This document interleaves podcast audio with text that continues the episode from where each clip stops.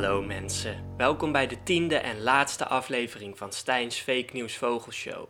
Je luistert naar Stijn. Ik vind het leuk om naar vogels te gluren, maar echt veel weet ik er eigenlijk niet van af. Dus jullie moeten niet alles geloven wat ik over vogels zeg. In de vorige aflevering heb ik de oproep gedaan mij jullie verzoeknummertjes toe te sturen. En in deze speciale en feestelijke aflevering zal ik al de toegestuurde verzoeken inwilligen. Er komen dus superveel vogels aan bod in de komende minuten. Let's motherfucking go! Stijn's Fake News Vogelshow gaat al dan niet over vogels. Yeah. Als eerste aan de beurt is Sebas. Hij is percussionist in mijn band en tevens winnaar van de Beverprijsvraag. Dus binnenkort gaan wij samen op beverspeurtocht. Gefeliciteerd, Sebas. Sebas wil graag dat ik iets vertel over de kakapo. Een groene, dikkige papegaai die niet kan vliegen en alleen voorkomt in Nieuw-Zeeland. Ik denk dat Sebas zich nogal verbonden voelt met de kakapo, omdat een kakapo momenteel de oudste nog levende vogel is en Sebas zelf de oudste nog levende student.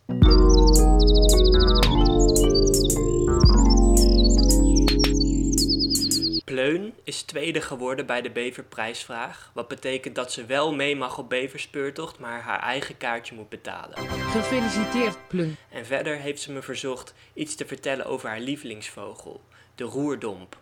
Deze bruine reiger maakt een heel bijzonder geluid. En als hij met zijn hoofd recht omhoog tussen het riet staat, is hij niet van riet te onderscheiden. Van fietspad is de roerdomp prima te onderscheiden en dat weet ik uit ervaring, want ik heb ooit een roerdomp op een fietspad zien staan. Ik was toen op stap met iemand die het leuk vindt om naar vogels te gluren en er echt veel van af weet, dus ik geloof alles wat hij over vogels zegt.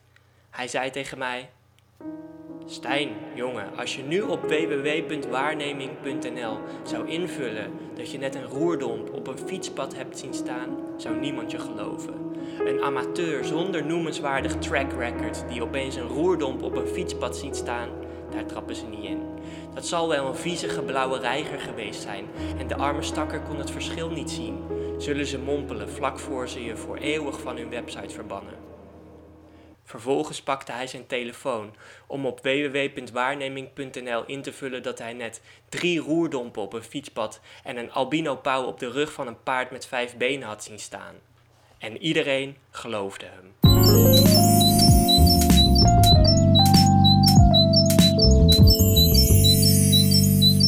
Mees heeft een vogelnaam en wil graag dat ik iets vertel over de stadsrat. Volgens mij bedoelt hij niet een knaagdier, maar gebruikt hij een wat onvriendelijke benaming voor de stadsduif. Maar waarom is Mees zo onaardig tegen de stadsduif?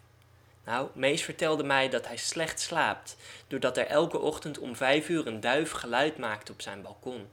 Ik snap dat je daar wat chagrijnig van kan worden. De stadsduif maakt overigens helemaal geen luid geluid.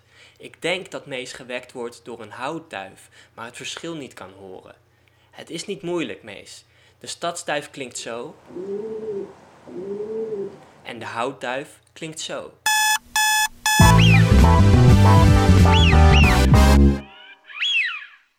Els wil graag iets horen over de meerkoet. Nou, dan heb je aan mij een leuke. Ik heb aan erg weinig vogels een hekel, maar de meerkoet is er toch een. Gefeliciteerd, Meerkoet. Dat heb je mooi voor elkaar. Ik zou willen zeggen, wat de hond is voor de zoogdieren, is de meerkoet voor de vogels. Ze zijn agressief, luidruchtig, lelijk en dom. Ze vinden dat de hele sloot van hen is en jagen andere vogels boos keffend weg. Ik heb ooit een half uur zitten kijken naar een meerkoet die tevergeefs probeerde een tak toe te voegen aan zijn trieste nest. Dat bestond uit wat twijgjes en de verpakking van een frikandelbroodje, geklemd achter een regenpijp. In de film De Wilde Stad, over de stadsnatuur in Amsterdam, wordt een meerkoetpaardje gevolgd dat zorg draagt voor drie eieren, maar tot dan toe vergeten is om aan een nest te beginnen. De eieren liggen op het dek van een bootje en de ouders leggen er wat takjes omheen. Toch nog wat goed nieuws: de meerkoetbaby's hebben het niet gered.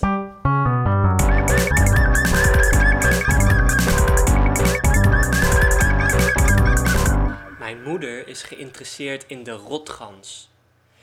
Natuurlijk moet ik wat aandacht schenken aan de olifant in de kamer. De rotgans heeft een vrij komische naam.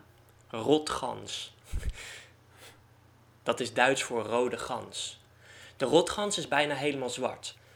Ook bijna helemaal zwart is Christian Cooper uit de Verenigde Staten. Hij is een van ons, mens natuurlijk, maar ook vogelaar. Deze week was vogelaar Christian veel in het nieuws. Hij was namelijk op zijn gemak vogels aan het gluren in Central Park toen er een vrouw, Amy, langsliep met een niet aangelijnde hond. Maar deze plek was alleen bedoeld voor wel aangelijnde honden. Christian vroeg de vrouw of ze haar hond wilde aanlijnen, waarop de vrouw hysterisch de politie belde om ze mee te delen dat ze werd aangevallen en bedreigd door een Afro-Amerikaanse man. Alsof ze stiekem hoopte dat de bouten net wat te lang op Christians nek zouden komen zitten.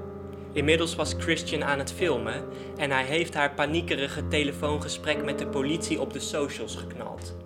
Het filmpje werd honderdduizenden keren gezien en nu is iedereen boos op Amy. Ze is ontslagen en iedereen vindt haar een enorm slecht mens en is er vast van overtuigd dat ze in haar situatie heel anders hadden gehandeld. Tot zover de rotgans.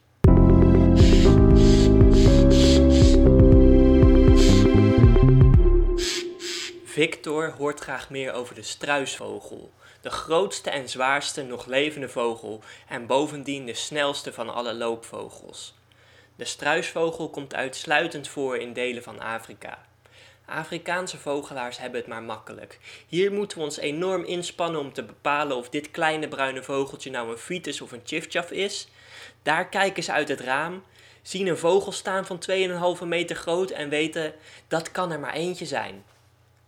Al, al zijn er wel wat boeken die onderscheid maken tussen de Somalische struisvogel en de rest. Maar ja, als je in Somalië bent, dan zal het wel, hè? Ondanks het feit dat struisvogels mega makkelijk te gluren zijn, bestaat er toch een aantal misvattingen over het gedrag van de struisvogel. Rond het jaar 0 heeft beroepsromein Plinius neergepend dat struisvogels hun kop in het zand steken als er gevaar dreigt. En dit nepfeit wordt nog steeds veel geloofd. Waarschijnlijk was meneer Plinius enorm bijziend. In hetzelfde stuk beweert hij dat struisvogels hun eieren uitbroeden door er agressief naar te staren. De naam struisvogel is eigenlijk wat dubbelop, want struis is afgeleid van het Latijnse woord strutio, wat struisvogel betekent. Uh, struis is dus struisvogel en struisvogel is struisvogelvogel. En strutio is dan weer afgeleid van het Griekse strutos megale, wat betekent grote mus.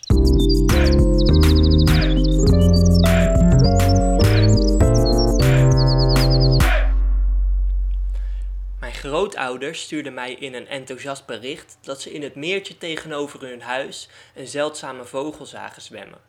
Volgens hun vogelboeken was het een zeldzame wintergast. In mei. Bijgevoegd was een foto van het vogelboek. Het was niet gelukt om op tijd een foto van de zeldzame verschijning te maken. En op deze foto zag ik staan de doodnormale Canadese gans. De vogelboeken van mijn grootouders zijn aan vervanging toe. De Canadese gans is tegenwoordig bepaald niet zeldzaam meer en ook geen gast. Zij is broedvogel in Nederland sinds 1974.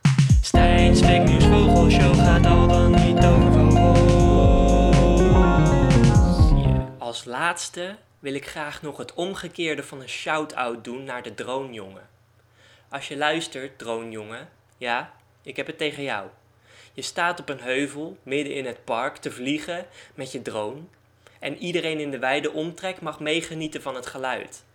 Je hebt een virtual reality bril op waarmee je precies kunt zien wat je drone ziet en je waant je in een science fiction film. Maar af en toe verschijn jij zelf op je netvlies, gefilmd door je drone. Je ziet jezelf staan op je heuvel met je dikke bril op je neus. Ik hoop dat je elke keer dat dit gebeurt, heel even schrikt van de triestheid van je bestaan. Oké, dit was het mensen. Dit is het einde van Stijn's Fake News Vogelshow. Ik heb er tien afleveringen lang van genoten, maar nu is het tijd om te stoppen. Wellicht maak ik ooit een tweede seizoen, maar voorlopig niet. In ieder geval, erg bedankt voor het luisteren, mensen. Ik hoop dat jullie het leuk vonden en weten dat jullie maar erg weinig hebben geleerd.